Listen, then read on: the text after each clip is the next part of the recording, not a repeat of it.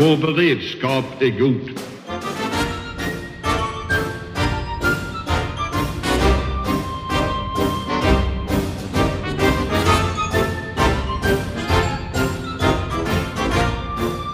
Hej och välkomna till Höjd beredskap, en podd från Aftonbladet Ledare. Och idag tänkte vi diskutera tre saker, eller prata om tre saker. Det första är att vi tänkte prata om en ny bok som eh, har kommit som heter Sveriges Eh, försvarspolitik och som är en antologi om försvarspolitik av Sebulon Kalander och Oskar Karflo, där två av deltagarna i podden har varit med och kommit med bidrag till boken. Vi kommer också prata om den ryska segerdagen, som väl inte riktigt blir som ryssarna har tänkt sig, men kring den historieskrivning eller historieomskrivning snarare som Ryssland ägnar sig åt. Och avslutningsvis en krönika om Kjell, som ni kommer att få stifta bekantskap med. Men eh, vi börjar med vilka som är med idag. Eh, Amanda? Amanda Wollstad på plats från Malmö. Patrik? Patrik Oksanen, Senior Fellow Frivärd, på plats. Johan? Johan Victorin, Stockholm. Ska vi, ska vi börja med, med eh, eh, Johan? Och, eh, du har ju då bidragit till den här boken. Eh, den har getts ut på Ekelids förlag och har kommit ganska, ganska nyligen. Eh, alldeles i dagarna. Eh, vad är poängen med den här boken?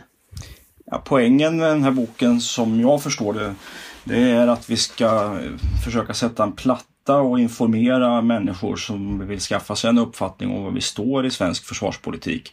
Det har ju, jag tror att eh, initiativtagarna här, Severon Kalander och Oskar Karlflo, har uppfattat att det har klingat av lite grann i försvarsdebatten eh, sen de hade en topp efter 2014 någonstans. Och att vi nu står inför ett viktigt försvarsbeslut och därför ska man liksom kunna ta upp det här för att diskutera. För det kommer bli debatt kring det här eftersom behoven är så stora och framförallt nu då kanske i ett, ett ekonomiskt läge efter eh, pandemin så kommer det vara ganska eh, stor, stor eh, konkurrens mellan medeltilldelningen i statens utgifter. Så att eh, det är då ett försök att liksom lägga en platta på vad, vad, vad, är det för komponenter som är viktiga i svensk försvarspolitik? Hur ser läget ut i stort och vad är viktigt då för framtiden? Det, det, är ju flera kan man säga av de, de, som har påverkat debatten ganska mycket på senare år som har skrivit här. Det är Bo Hugemark, det är Karlis Neretkis, eh, Carl Bildt skriver förord. Eh, och tittar man på, på debatten i stort så, så så är det här ju, det kommer ju ett försvarsbeslut, eller det kommer inte ett försvarsbeslut, det är fel uttryck, men försvarsberedningen ska ju vara färdig den 15 maj. Mm. Eh, och det är ju om inte så många dagar. Eh, tror ni att ni kommer att hinna påverka debatten så mycket innan dess? Eller i samband med det där? Ja, det beror ju på hur mycket, alltså boken är ju inte, inte så att den är skriven på uppdrag för att det ska påverka själva debatten som sådan, men det är en grund inför debatten, att skapa en kunskapsbas så att människor har en, en eh, liksom, gemensam grundplatta att stå på egentligen när man resonerar kring de här svåra frågorna. Eh, Minou Sagdepour som skriver kapitlet om civilt försvar citerar ju förre kommunikationsdirektören i Försvarsmakten om att tystnad jag kan inte citatet exakt här nu, men alltså att tystnad och ointresse för landets försvar, det är liksom det farligaste som finns. Det bidrar inte till folkförankring och det är väl i det, det spektrat man ska se den här, den här boken då som, som en, någonting, en referens att gå tillbaks till och undra hur det fungerar det här med personalförsörjning eller materiellförsörjning. Du, du har skrivit ett kapitel, eh, ett, ett, ett, eh, en genomgång av svensk underrättelsetjänst. Eh, med, med den, den, dramatiska rubriken 500 års återblick.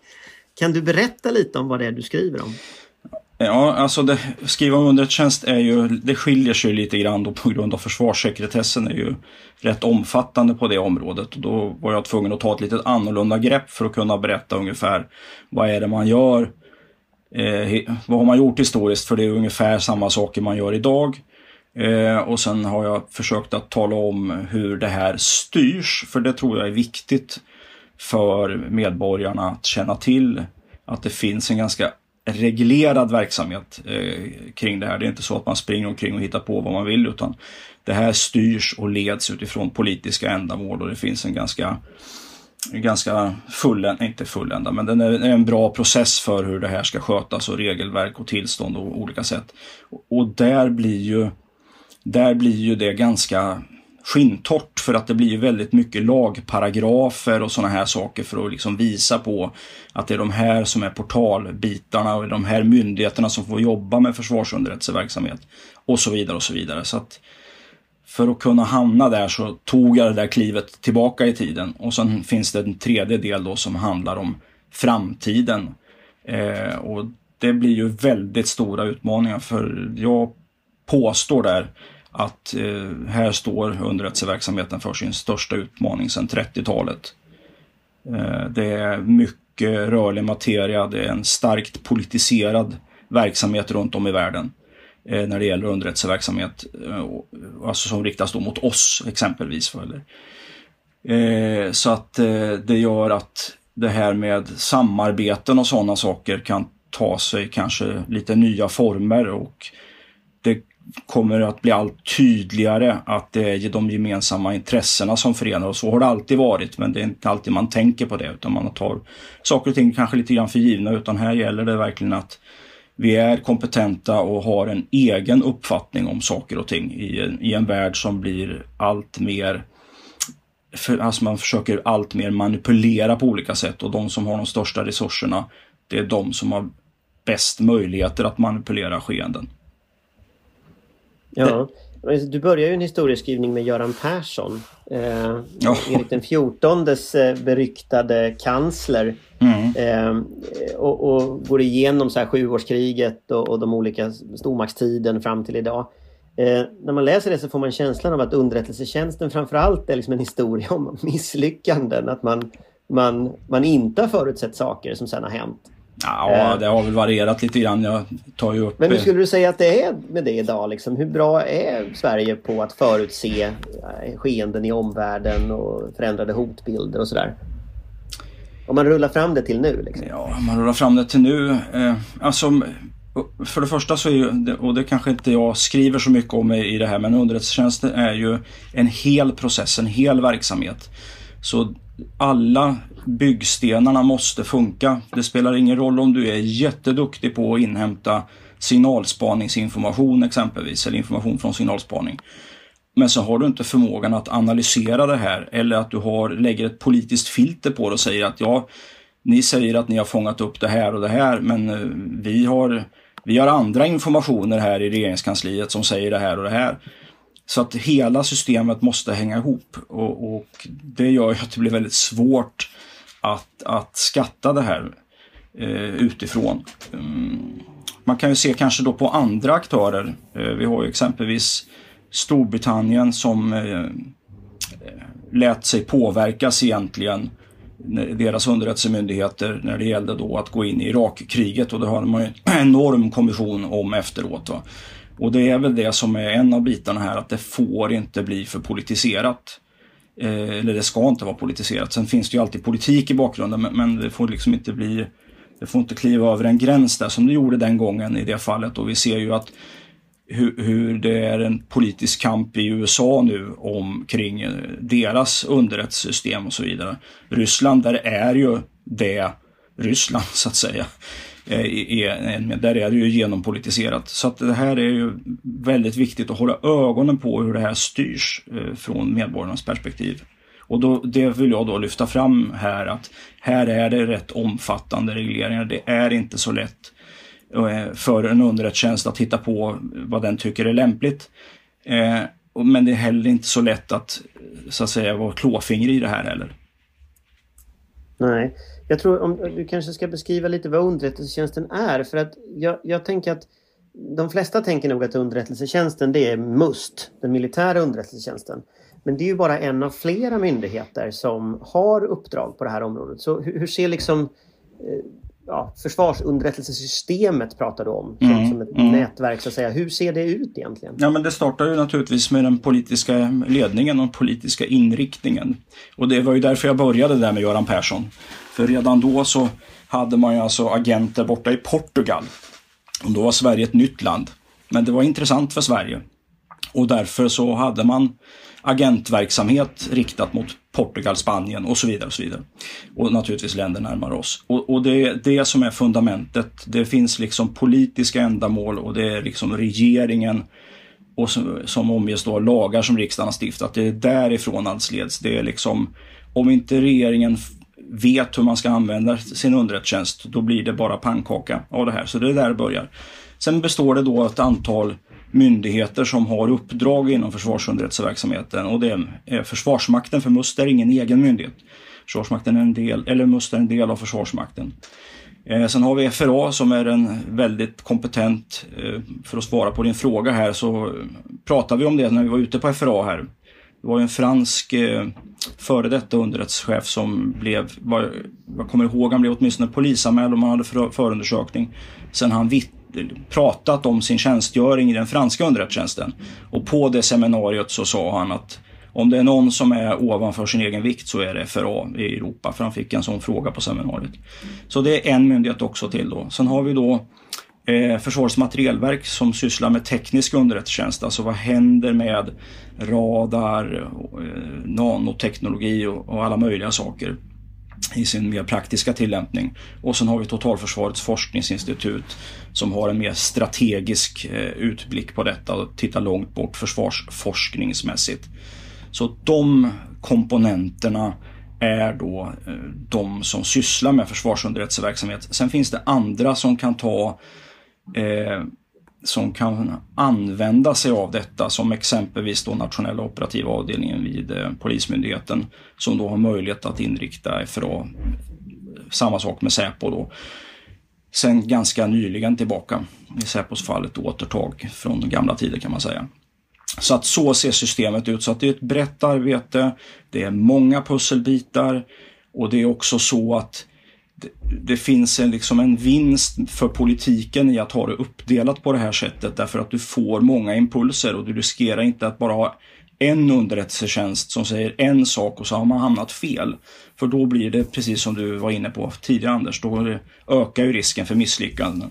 Så som det var exempelvis kanske det största misslyckandet då när vi blev överfallna av eh, eh Polen, eh, jag säger Danmark, Ryssland och Sachsen eh, år 1699 då, eller kan man säga 1700. Eh, då det gjordes ett anfallsförbund mot oss i hemlighet och vi hade inte en aning om detta. Nej. Om man, om man tittar på, på själva styrningen idag mm. så, så tar du ju upp det här med när man, när man fattar sig beslut om inriktningen, att man gör det en gång om året ungefär med inriktningen av mm. det här systemet. Mm. Eh, när vi var ute på FRA då var det en av frågorna som de tog upp eh, här, som, som de tog som exempel, eller vi tog som exempel, eh, det här uttalandet från, från FRAs generaldirektör om att man hade gett underlag inför Irakkriget som visade att Irak inte hade massförstörelsevapen. Eh, om, om du liksom går tillbaka till hur den processen går till. När, om säg att Sverige vill ta reda på en sån sak.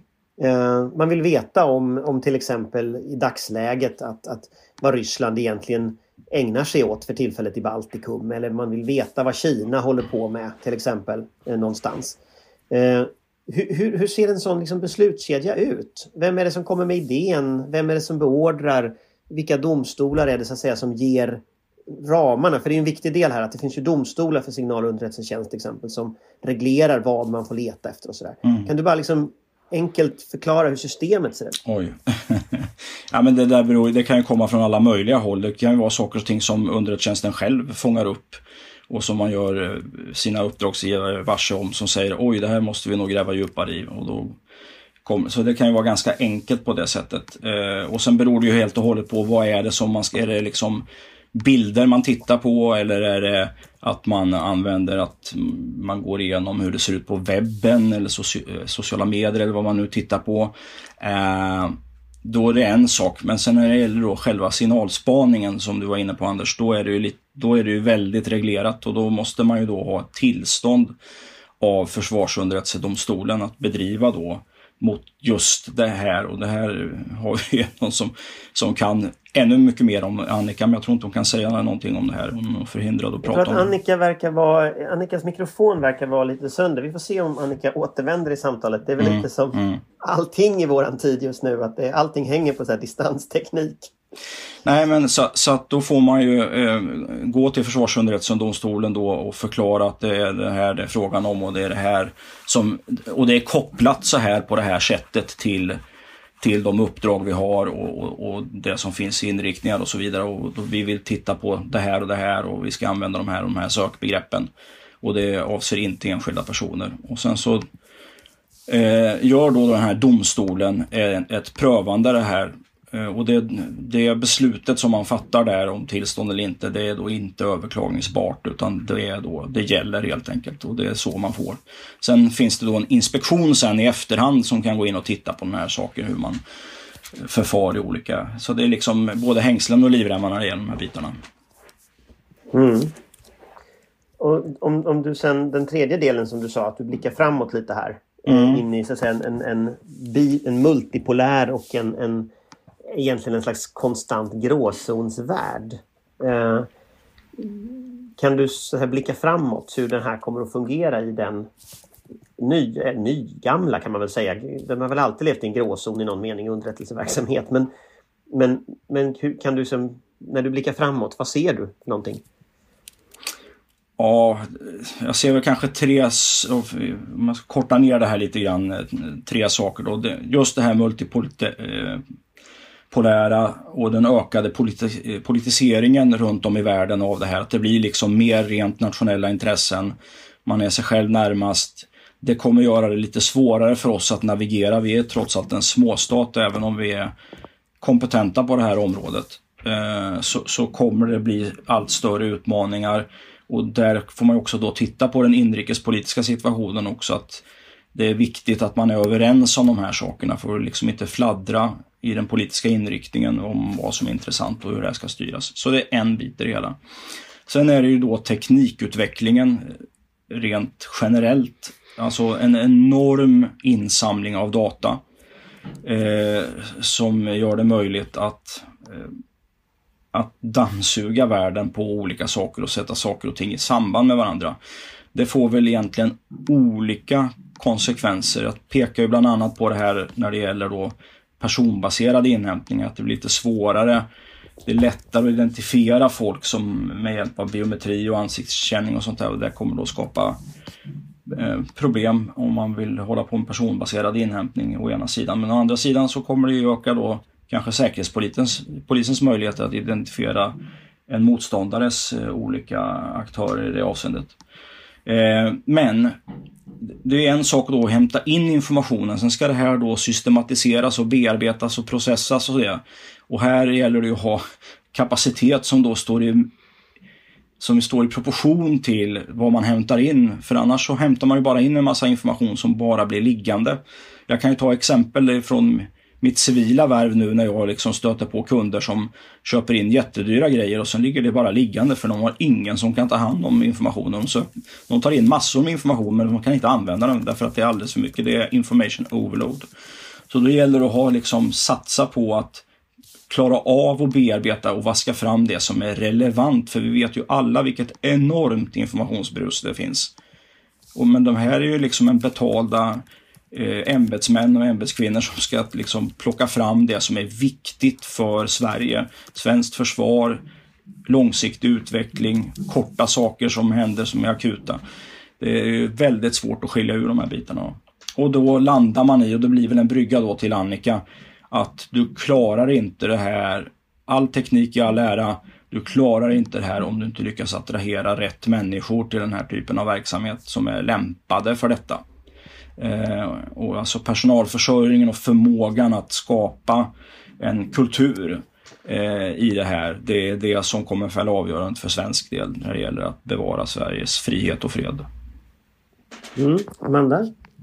Jag såg en av redaktörerna presentera boken på eh, sociala medier någonstans och han skrev lite om, om anslaget och tanken att det här ska vara en introduktion in i den säkerhets och försvarspolitiska debatten för den som kanske inte är så djupt involverad. Och det är en otroligt, eh, väldigt bra anslag. Var det den typen av instruktioner ni fick inför era texter också? Ska det här vara en liksom crash course i, i ditt fall, svensk underrättelse de senaste 500 åren? Nej, det var inte just de senaste 500 åren som jag fick utan jag tänkte på hur ska jag angripa det här ämnet när jag kan ju inte skriva om vad man Alltså antingen så skriver man och liksom eh, citerar lagtexter och beskriver ett byråkratiskt system eftersom man inte kan prata så mycket om vad de gör utan jag försökte då liksom fånga underrättelsetjänstens natur genom att gå tillbaka i historien. Det blev lite lättare för mig då. Eh, men det är helt riktigt att vi fick en, liksom, en inriktning på att eh, skriv lite grann om hur det har varit, hur det är idag och titta framåt. Det var den instruktionen vi fick. Så detta är A-kursen kan vi säga? Ja, det vet jag inte riktigt. Introduktionskurs till A-kursen. Fast, fast jag skulle nog säga när man tittar lite på det, det, det är nog lite A-kursen. Jag tycker det är en ganska bra, bra beskrivning faktiskt. För att, för att eh, om man tittar så, så börjar det ju liksom med den historiska utvecklingen och sen går det igenom de olika sakområdena. Mm. Eh, som finns. Och det, där, det där är lite intressant. Nu har vi lyft fram just försvarsunderrättelsetjänsten och det, det, det, kanske leder också lite vidare sen när vi ska prata om Ryssland och så, så kring, kring det som håller på att hända där just nu. Mm. Men, men det, som jag, det som jag tycker är påfallande när man, när man läser ditt kapitel i detta det är ju just att det är Det här är ju någonting som vi väldigt sällan pratar om. Men som hela tiden finns närvarande i nyheterna. Mm. Vi ser till exempel nu när USA hänvisar till sin underrättelsetjänst och påstår att Kina har släppt ut ett, ett virus eller om de har misstag släppt ut det här coronaviruset. Mm. Eh, då används ju underrättelsetjänsten som en slags politiskt slagträ i, i hela världen. Som, som, eh, nu har väl de själva dementerat det där så det blir ännu snurrare, snurrigare. Men, men vad tänker du om det när du ser den den nej, utvecklingen? Nej, men det är precis det jag försöker fånga och, i, i ja, den avslutande delen. Och det, det innebär ju att det är därför Sveriges statsminister måste kunna vända sig till det här systemet och säga vad är det som hänt? Vad är er uppfattning om det? Say hello to a new era of mental health care. Cerebral is here to help you achieve your mental wellness goals with professional therapy and medication management support. 100% online. You'll experience the all new Cerebral way an innovative approach to mental wellness designed around you. You'll get a personalized treatment plan from a therapist, prescriber, or both in a safe and judgment free space. Your cerebral therapist or prescriber will outline a customized plan with clear milestones along the way so you can get to feeling your best. With Cerebral, you're not alone in your mental health journey. We're here to empower you to live a fulfilling life. So take that first step towards a brighter future and sign up today at cerebral.com slash podcast and use code ACasts to get 15% off your first month. Offer only valid on monthly plans. Other exclusions may apply. Offer ends July 31st, 2024. See site for details. Har det släppts ut från ett virus eller inte? Jag vill inte spekulera. Tror du han har gjort det? Jag, jag vill inte spekulera det. Nej. okay. Hoppas kanske. Jag hoppas att han har gjort det. Det kan jag säga, det är absolut. Vi, vi får hoppas Hej! att... Mm. Hej! Nej, men det, det, är därför det är så viktigt då att man har det här och att det finns ett förtroende kring det här. Och det, det var bra att jag fångade den tråden för mig själv nu då. Jag skriver lite kort om det också. Eh, vi kommer få se en hel del försök att underminera eh, befolkningens och ledningens förtroende i våra underrättelse och säkerhetstjänster från främmande makt. Eh, och där måste nog alla vara lite varse på vad som liksom skrivs och påstås. Därmed inte sagt, och vi har vi sett att man har gjort bort sig historiskt eh, då och då. Det man gör misstag som i alla andra system. Men man bör ta en hel del saker med en nypa salt som påstås kring det här i olika sammanhang för det som kommer nu i framtiden. Mm. Men det var väl en ganska bra eh, sista, sista ord om detta. Då går vi vidare till nästa del i det här. Tack så mycket Johan. Eh, och boken heter alltså då Svensk... Nu ska vi se, ska jag ta upp boken här igen så jag säger rätt eh, också vad den heter. Den heter... Eh, hela titeln är Sveriges försvarspolitik, en antologi av Sebulon Kalander och Oskar Karflo som är redaktörer av Ekelids förlag och den är utgiven 2020 Eh, och kan definitivt rekommenderas att läsa. Det är en bra grundintroduktion till eh, försvarspolitiken som den ser ut nu. Och väldigt relevant eftersom nästa vecka så kommer då försvarsberedningen eh, att vara färdig med sin rapport förhoppningsvis. Som blir underlag för nästa försvarsbeslut. Men med det sagt så ska vi ta och gå vidare till nästa ämne. Vår beredskap är god.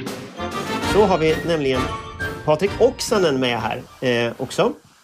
Och eh, eh då tänkte vi gå vid vidare och fortsätta prata om, eh, om lite kanske tillämpning lite av det vi har pratat om de hittills. Vad vet vi om Ryssland? Och det som händer just nu enligt en eh, eh, om vi tittar på, på utvecklingen i Ryssland eh, så är det ju firandet av segerdagen. Det vill säga segern över Nazityskland i andra världskriget.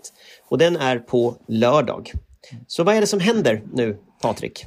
Ja, men vi kan väl bara börja med att konstatera att det är ju 75 år sedan eh, freden eh, kom till Europa.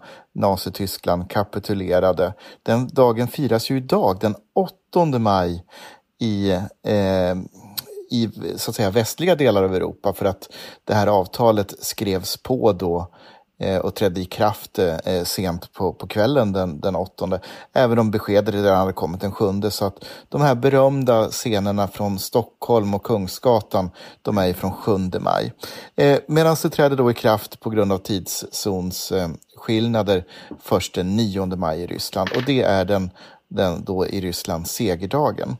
Den här dagen har utvecklats under Putins styres till en allt mer viktigare dag att manifestera den patriotiska historieskrivningen.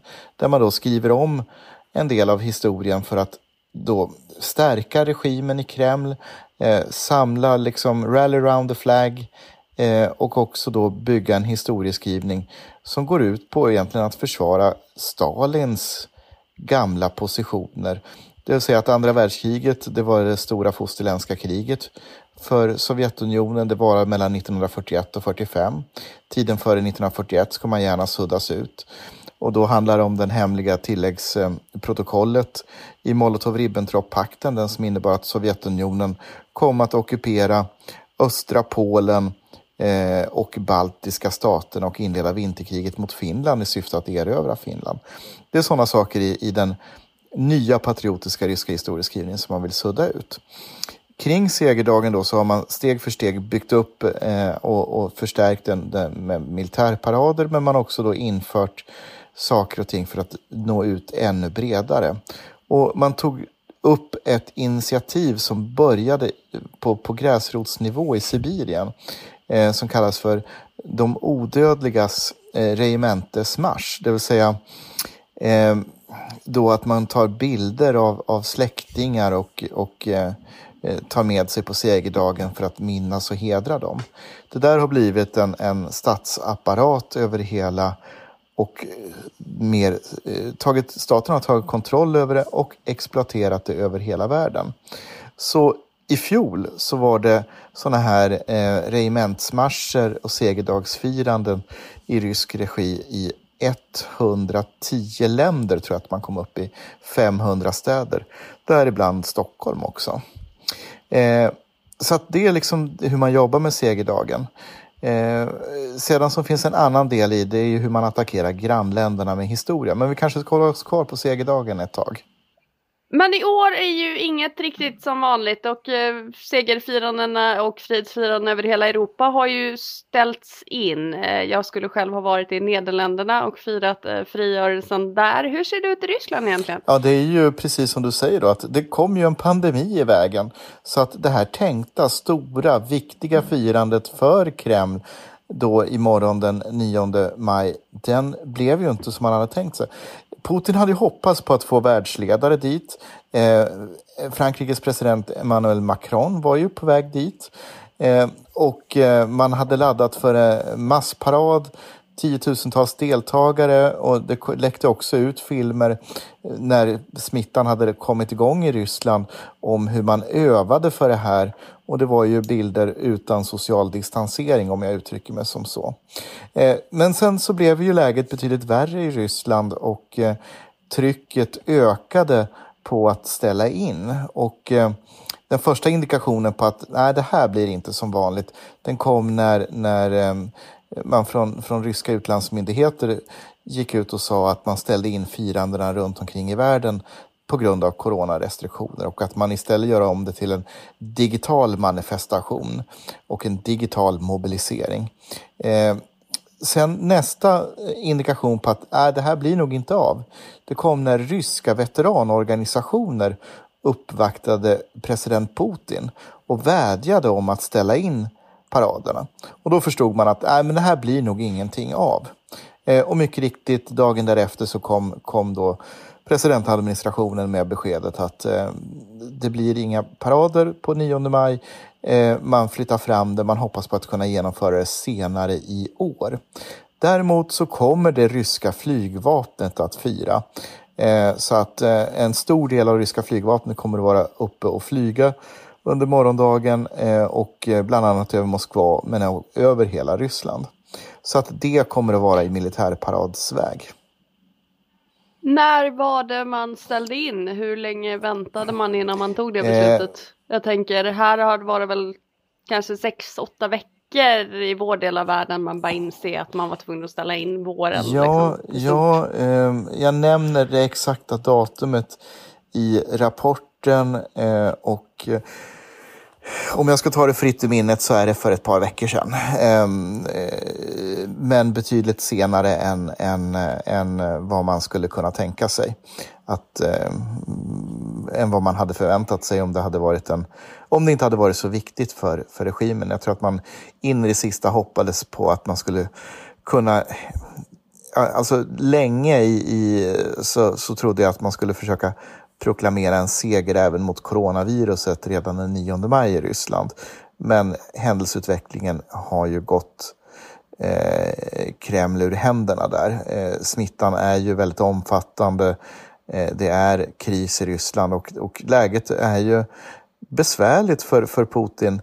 Eh, opinionssiffrorna är låga, coronakrisen, ekonomin är dålig också, inte bara på grund av coronakrisen utan också det låga oljepriset.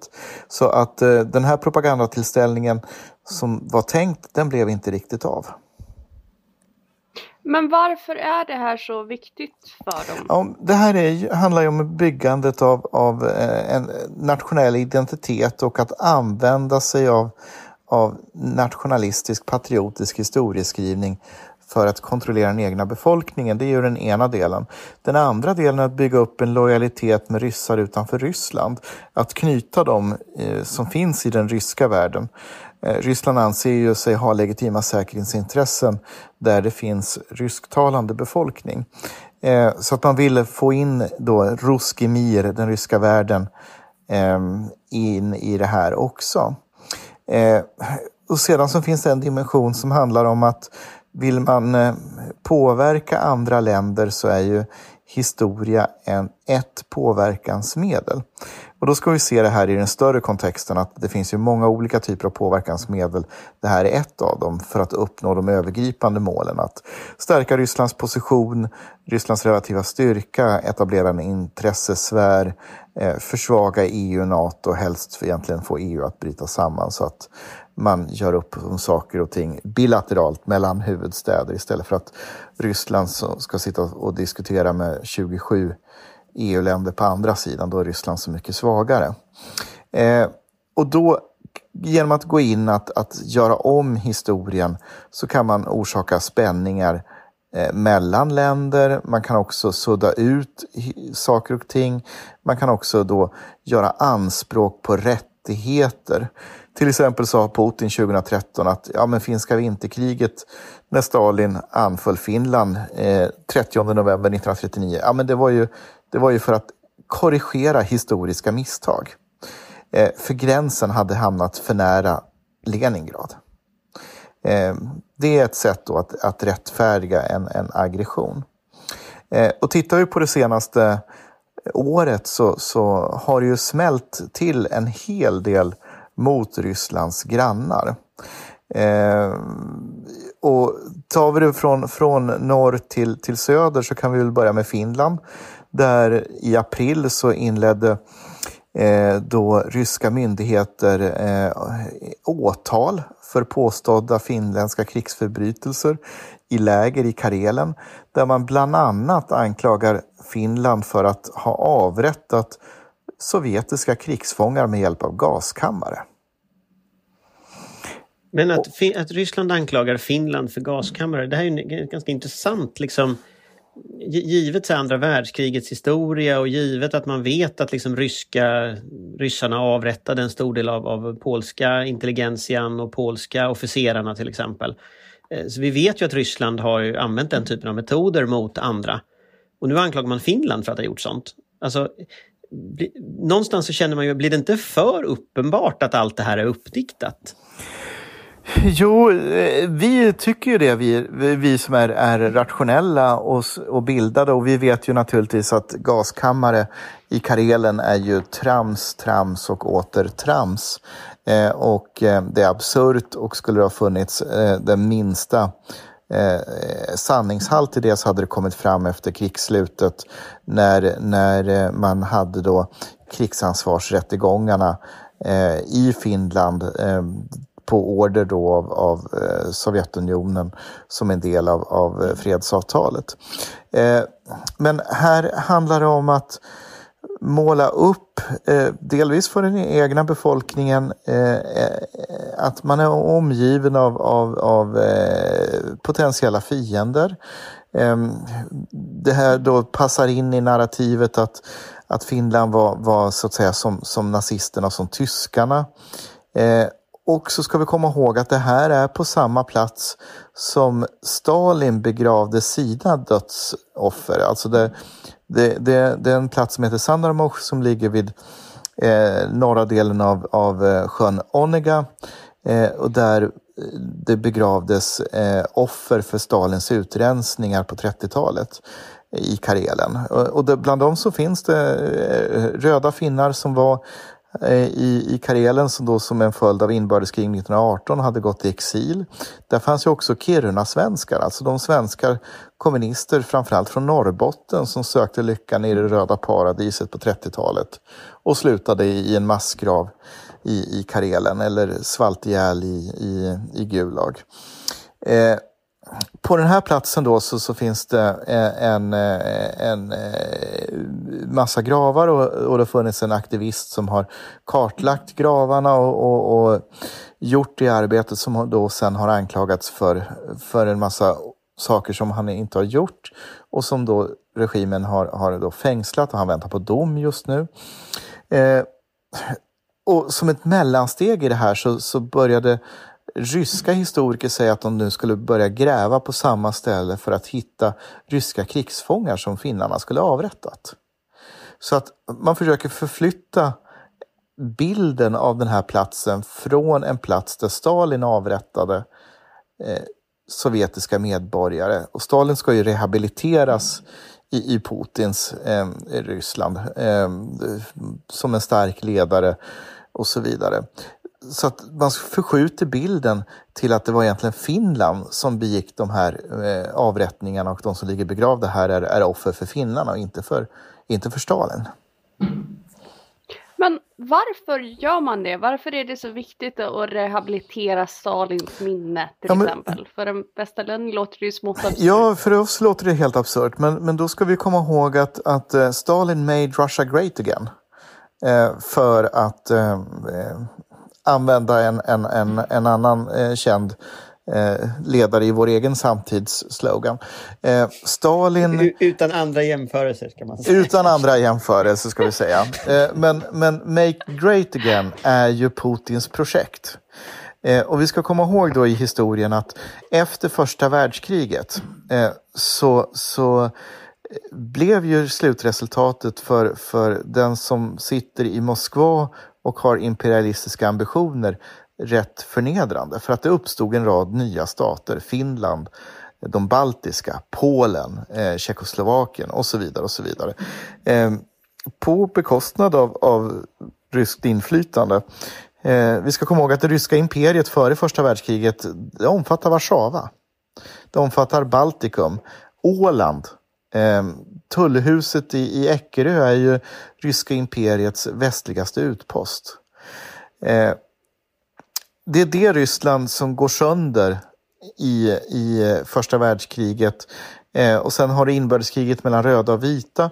Du har också västmakters expeditionskårer som är där och eh, hjälper de vita. Eh, men, men det slutar med att, att eh, kommunisterna segrar så småningom.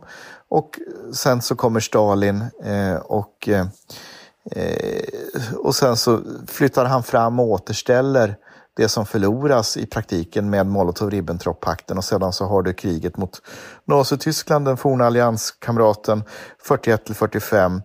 Och då är ju Ryssland verkligen great again och eh, vi lever då fram till murens fall med den kalla krigskartan där, där Ryssland dominerar halva Europa. Eh, och Putin har ju sagt att Sovjetunionen det är 1900-talets största geopolitiska katastrof. Underförstått för Ryssland. Sovjetunionens sönderfall. Ja, precis. Förlåt, jag tappade det där sönderfallet. Det är bra att du korrigerar mig så här på, på morgonkvisten. Eh, men, men den första geopolitiska katastrofen, det var ju det, var ju det ryska imperiets sönderfall efter, eh, i samband med första världskriget. Och det handlar om att återställa det här. Eh, och tittar vi på Baltikum så får ju balterna bland annat återkommande ifrågasatt sin självständighet. Eh, här i april så twittrade till exempel då ryska ehm, eh, eh, då representationen vid FN att, eh, nej men vadå, Baltikum anslöt ju sig frivilligt till Sovjetunionen 1940. Det var ju lagligt. Eh, idag skulle vi beskriva det som hände 1939-1940 som, som omfattande hybridkrigföring mot de baltiska staterna med hjälp av militära hot och subversion som gjorde att de länderna till sist annekterades. Eh, hela intelligentian eh, och officerskårerna eh, utraderades. Omfattande massdeportationer.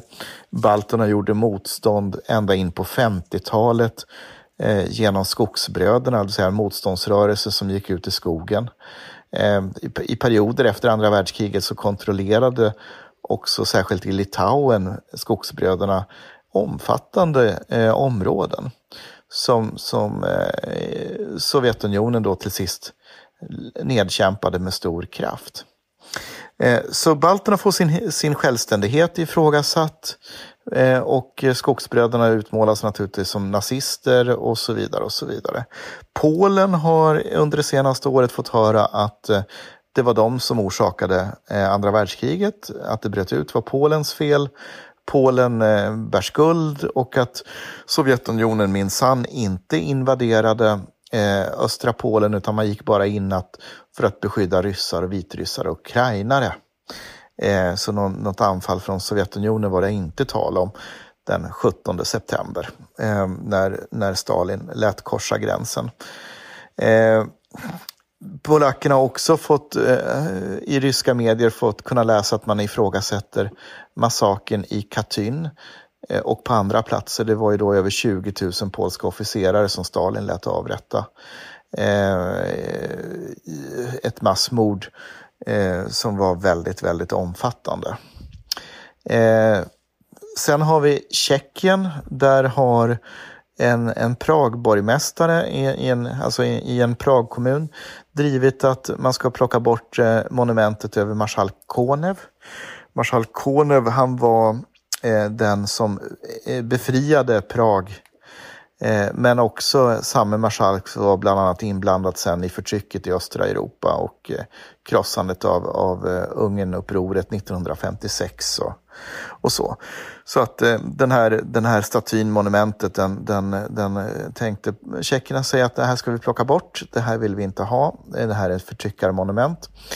Då stiftade Ryssland en lag som gör det kriminellt att plocka bort eh, andra världskrigsmonument och inledde en förundersökning även om det var i Tjeckien. Eh, och det här spetsades till sen eh, för att plötsligt i april så fick den här borgmästaren och en annan borgmästare i Prag polisskydd. Och enligt tjeckiska medieuppgifter så med hänvisning till uppgifter från den tjeckiska säkerhetstjänsten så ska då en rysk eh, eh, diplomatkurir ha fört in giftet resin till ryska ambassaden i Prag.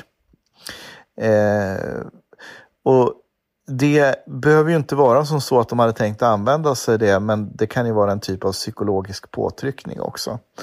Eh, så att det, det där är rätt tillspetsade historier som då eh, händer i, i kölvattnet av, av eh, historiestriderna. Eh, vi har en annan sån händelse 2007 i Tallinn när, när esterna vill plocka bort bronsstatyn av en sovjetsoldat. Och det blir upplopp och sedan blir Estland utsatt för det första cyberkriget i världen. En, en, en period av cyberattacker som riktar sig mot banker, medier och eh, regeringssidor. Det är lite intressant. Jag var faktiskt i, i, i eh, Tallinn för ett par, eh, något år, par år sedan. Och eh, den här bronsstatyn är ju flyttad från, från centrala stan till en kyrkogård. Och där finns också många eh, krigskyrko, eller krigsgravar på den här platsen. Men, men vad jag märkte var att det sitter fortfarande sådana här eh, speciella övervakningskameror runt hela området.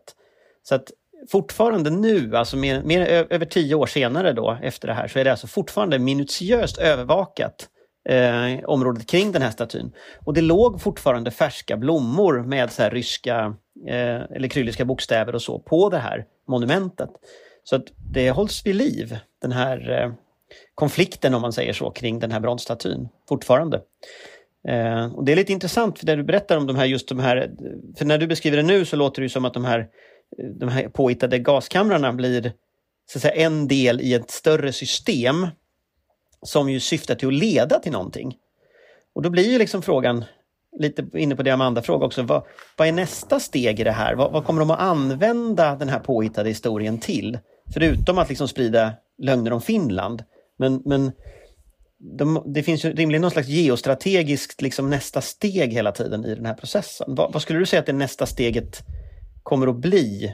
Eh, om vi tar just gaskamrarna som ett exempel. Ja, alltså konkreta nästa steget som jag förväntar mig händer där är ju att, att det här kommer att trappas upp mot nästa år. Eh, för att då har det ju eh, 80 år sedan fortsättningskriget bröt ut, eller det stora patriotiska kriget bröt ut för att, för att använda den ryska termen. Eh, och eh, jag förväntar mig där att, att näst, ett nästa steg kommer att vara att det kommer att finnas eh, eh, namn och, och, kanske också att det blir någon slags rättegång även om, om de åtalade eh, inte kommer att finnas i rättssalen för, för att de är alla döda sedan många, många år tillbaka men ändå någon slags eh Eh, Eh, någon slags sån rättegång. Och vi ska komma ihåg att i de ryska åtalen så handlar det också om, om eh, förhållandena i, i, i lägren eh, för, för krigsfångar och för eh, internerad civilbefolkning. Eh, och det var usla eh, omständigheter i lägren, eh, omfattande svält, men, men det fanns liksom inget, inget massmord eller förintelse eller folkmord i det, utan eh, det var svält, det var eländigt eh, och naturligtvis så, så stod fångarna ganska långt ner i prioriteringslistan. Eh, och många av dem var undernärda sedan tidigare. Eh, så att, eh, och Finland var dåligt organiserat och, och, var inte riktigt beredd på att hantera den här mängden fångar heller. Så att lägren var, men, men, var, men var usla 41-42. Eh, för, för fortsättningskriget är ju inte riktigt en, i, svensk historieskrivning så är ju eh, det är alltså inom ramen för eh, Nazitysklands anfall på Sovjetunionen som, som även Finland då förde krig eh, i det så kallade fortsättningskriget. Eh, och den historien i rysk historieskrivning skrivs ju ihop också till en ny slags berättelse där Ryssland alltmer antar de ockuperades eh, roll även folk som Ryssland har ockuperat eh, i östra Europa. Och det håller på att ske en slags fullständig kan man säga omkastning eh, så det, det, är inte bara det som Patrik beskrev här med, med Polen och så som, som, som eh, att Ryssland inte påstås ha invaderat Polen trots att det är helt uppenbart att man har gjort det. Utan man förändrar liksom hela historieskrivningen runt kriget. Där Ryssland bara blir ett offer och Stalin bara blir ett offer. Eh, mm. Och det är en väldigt intressant liksom, utveckling. Men jag tänkte på, i och med att du sa, använde begreppen som fortsättningskriget och stora patriotiska mm. kriget. Mm. mm. Eh, ja, svenska det, kriget, förlåt. Det, det, det, det, är bra att du tydliggör det och eh, eh, senare så, så, skulle man kunna ha en, en hel podd om att diskutera vad var det som egentligen hände och, och, eh, och, och i vilken ordning och så. Men, men då hamnar vi lite grann i, i i, i, utanför här i, i, just det här samtalet. Men för att gå tillbaka till, till vad är generellt sett det nästa steg så skulle jag säga då att ja, men, eh, vad man gör är ju återigen, du har alltid dimensionen att det finns att en, en hel del av det här är riktat inåt för att, att ha knyta befolkningen till det nationella identitetsprojektet. Och, är, och en inringningsmyt har Ryssland jobbat länge med. Ehm, och det finns en, en, en stor eh, känslighet i Ryssland när det gäller historia och man har en bild av att, att är, är vi svaga så kommer alla att anfalla oss. Eh, vi måste vara starka och, och vill man skämta så kan man väl säga som så att Ryssland, Ryssland är som säkrast när det finns eh, ryska gränsvakter på båda sidor om gränsen. Eh, om man vill vara lite galghumor i, i, i det. Eh, men vad, vad kan det då leda till? Ja, vi kan ta Krim som exempel, den olagliga annekteringen 2014. Där lyckades ju Krim, eller Ryssland väldigt väl med att internationellt få, få genklang för uppfattningen om att Krim alltid har varit ryskt. Det var ett historiskt misstag som Khrushchev gjorde när han lät Krim gå över till den ukrainska rådsrepubliken på, på 50-talet och, eh, och så vidare och så vidare. Eh, det är ju inte riktigt sann historia. Jag menar, Krim, Krim har inte varit ryskt längre än, än, eh, än, eh, har faktiskt varit ryskt kortare tid än vad Skåne har varit svenskt. Eh, det blev ju ryskt på, på mitten av 1700-talet under Katarina den store. Jag vill så gärna uttala mig om det här. vi, vi ska nog inte blanda in Skåne i, i, i, i, i det här samtalet, då kommer det att spåra ur. Malmö-delegationen känner sig inspirerad. Ja, jo, jag misstänkte det. Men, men eh, eh kan du då sätta sådana bilder Eh, att eh, till exempel att ja, men de baltiska staterna, är de inte en del av Ryssland naturligt ändå? Eh, då faller ju mycket av den europeiska solidariteten och NATO. Jag menar, vem, vem, vill, vem vill riskera någonting för någonting som egentligen är ryskt? Det är väl rimligt att, att Estland, Lettland, Litauen kan tillhöra Ryska federationen och inte ska väl vi bråka med Ryssland för det? Även om de är med i NATO. Det kanske är obekvämt att de är det. Alltså att det jag målar upp är vad som kan hända flera steg framåt ifall vi inte förstår vad riskerna är. Och vi kan motverka det här genom att prata om det, lyfta upp det, vara medvetna om det och bemöta felaktigheterna. Men hur väl funkar det här för Ryssland då? För att vi börjar ju ändå se mm, för ett annat land som gärna skriver om historien, eh, Kina, om viruset har vi pratat om tidigare. Eh, där jag fick höra igår kväll att de tar ut helsidesannonser i nederländska tidningar just nu för att eh, försöka förklara att det är minsann inte deras fel och de har gjort allting rätt och allting bara lögner och propaganda. Eh, och det har ju lett till lite bakslag närmast i Europa. Eh, det känns ju som att Kina inte riktigt får den effekt de vill av sin ganska liksom, tunghänta propaganda. Hur går det för Ryssland? Är de duktigare på att manipulera oss? Får de den effekt de vill? Både i Ryssland och, och utanför?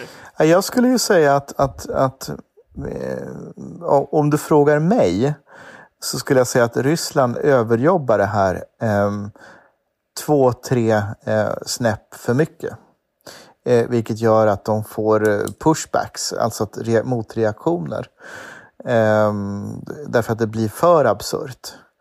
Eh, de som skulle kunna vara tilltalade av, av ett mjukare ryskt narrativ som, som går i den här riktningen, de drar öronen åt sig när det blir för, för extremt.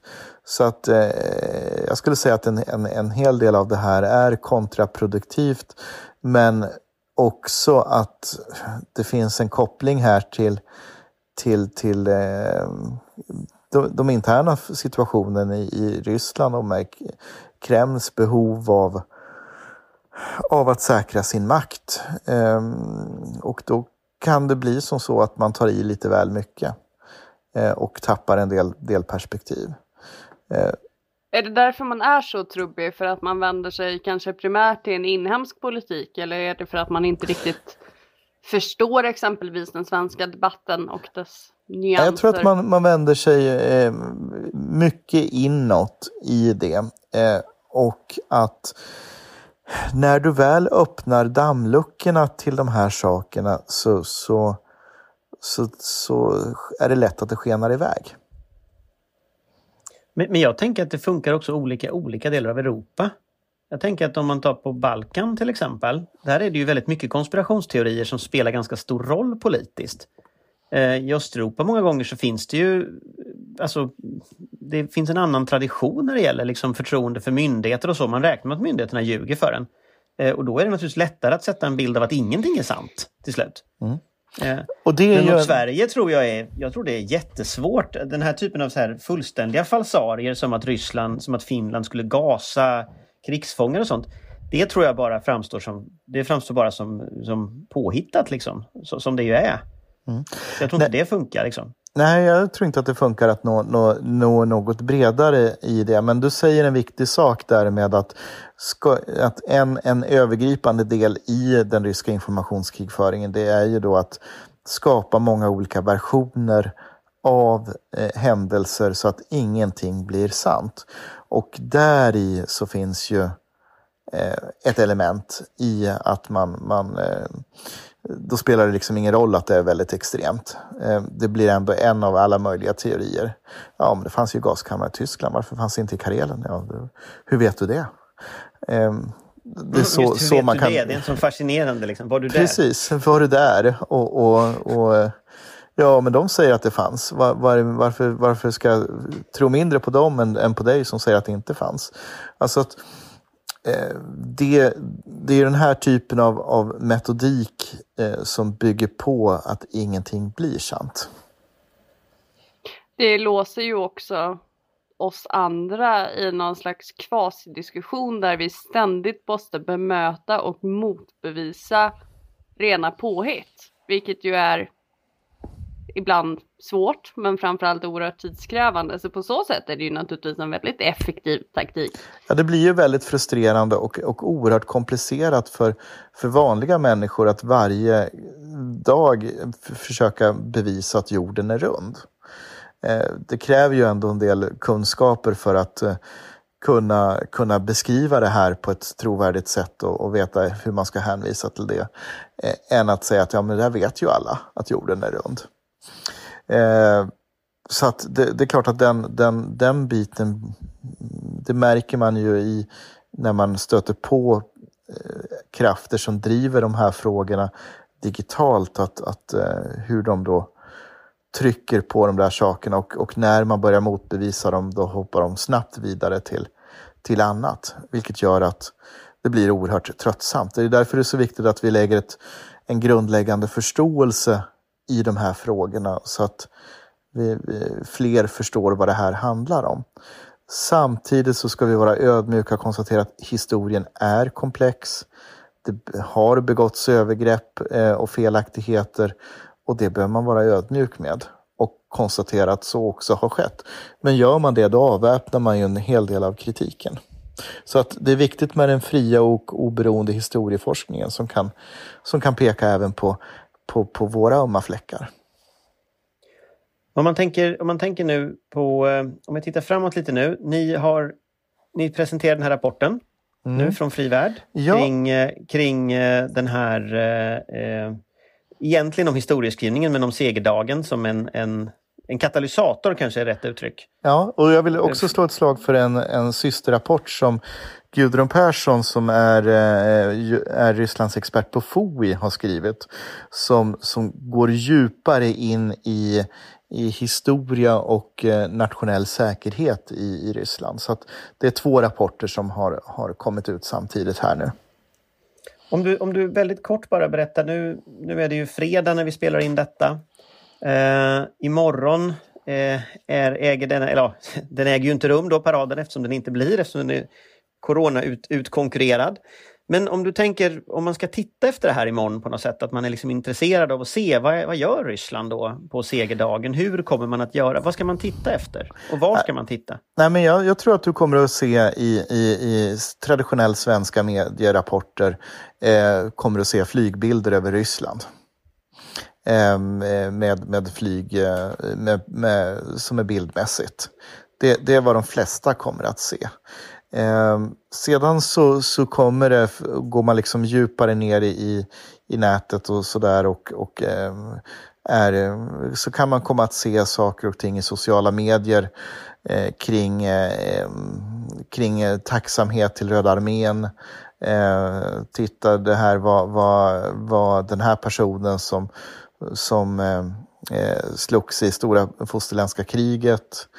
Ehm, du kommer att se alla ryska officiella konton runt omkring i världen på, på Twitter och Facebook posta grejer ehm, eh, kring det här temat. Så att i sociala medier så kommer du att se, se det här väldigt starkt förekommande. Eh, det är väl vad jag förväntar mig. Mm, och så får vi se då i höst om det blir någon stor parad. Eh, själv skulle jag ju faktiskt åkt till Ryssland i för någon månad sedan och, eh, och till Ukraina eh, för att studera de här frågorna. Men det blev ju som sagt, som ni förstår, ingenting av med detta. Så vi får väl se om det är möjligt att åka dit, om det här inträffar eh, och när det inträffar. Men tack så mycket Patrik. Vi kan väl försöka länka den här rapporten så vi har den också tillgänglig här. Och då kommer vi att avsluta dagens avsnitt av Höjd beredskap med en krönika av Amanda Wollstad om Kjell. Vem ska rädda Kjell? I några minuter låg den uppe på Instagram. Filmen från Södra Skånska regementet P7 som följde skyttegrupp Gustav Bertil när de under en övning nedkämpade ett pansarskyttefordon. Sedan plockades den ner utan vidare kommentarer. Så föddes en legend. För naturligtvis noterades det att den försvann på Twitter började spekuleras i censur och bara timmar senare letades en kopia av filmen ut på nätet igen.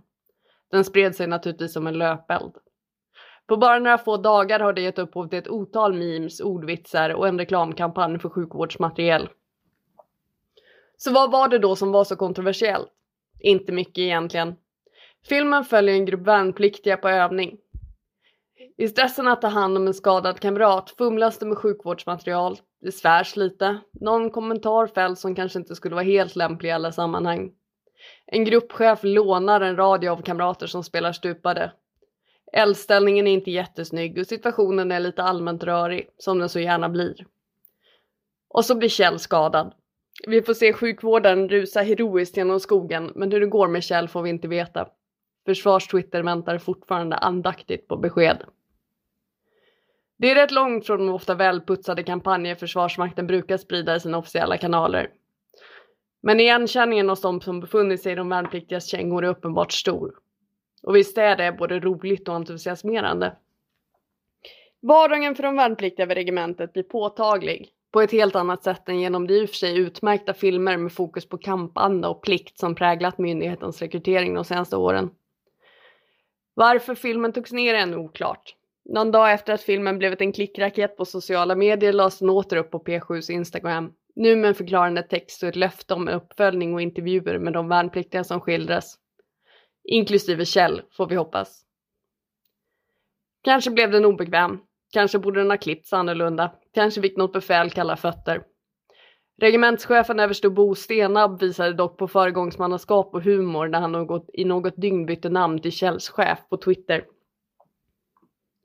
Hur Försvarsmakten ska företrädas på sociala medier och av vem är ingen enkel fråga. Det handlar om en myndighet, en del av våldsmonopolet och det är av yttersta vikt att man värnar om medborgarnas förtroende. Men vi lever i en delvis annan tid idag och att värna medborgarnas förtroende innebär inte nödvändigtvis vad det en gång gjort. Unga svenskar, inte minst de som själva ska mönstra och förmås ta anställning, kräver tvåvägskommunikation och transparens. Ska de lockas in i verksamheten vill de veta vad den går ut på och de nöjer sig inte nödvändigtvis med välpolerade informationsbroschyrer. Sanningen är nog att det inte går att göra alla nöjda samtidigt. Olika budskap fungerar på olika människor, men det kan också vara en styrka. För det är ju inte så att Försvarsmaktens officiella kampanjer på något sätt är okontroversiella. Förra året ville man bredda bilden av hur soldater och sjömän kan se ut. Bland annat porträtterades Jens, signalmatros och före detta balettdansör på Kungliga Operan, mitt i ett hopp. Kom som du är, var budskapet. Reaktionerna på sociala medier lät inte vänta på sig. Det var en feminiserad och impotent försvarsmakt som visades upp. En myndighet som satte politisk korrekthet för sitt kärnuppdrag och som det skrattades åt internationellt. Alldeles oavsett att ballett kräver en kroppskontroll och en styrka som borde göra många elitsoldater gröna av avund så visar reaktionerna på en oförståelse för vad en modern försvarsmakt gör. En viss grundfysik krävs naturligtvis för alla befattningar. Men en skyttesoldat och en signalmatros utför väldigt olika uppdrag som kräver väldigt olika förutsättningar. Analytiker behöver kunna andra saker än vagnsförare. En stridspilot har andra uppgifter än en livgardist. Det innebär rimligen också att Försvarsmakten måste förmå locka olika typer av människor med olika intressen. Och då måste man förmå tala olika språk i olika sammanhang, men med en röst. P7 har inga större problem med rekryteringen, men det skulle inte förvåna om veckans uppståndelse lockar ytterligare ansökningar. Det som är bäst på att informera om regementets verksamhet är rimligen de som tjänstgör där och förhoppningsvis lockar de då också värnpliktiga och anställda lämpade för just deras verksamhet. Om andra regementen, flottiljer och skolor gör detsamma får vi förhoppningsvis en försvarsmakt precis så bred, multikompetent och samkörd som behövs för att skydda Sverige, vår demokrati och vårt självbestämmande. Försvaret av Sverige behöver både Kjell och Jens. Vår beredskap är god.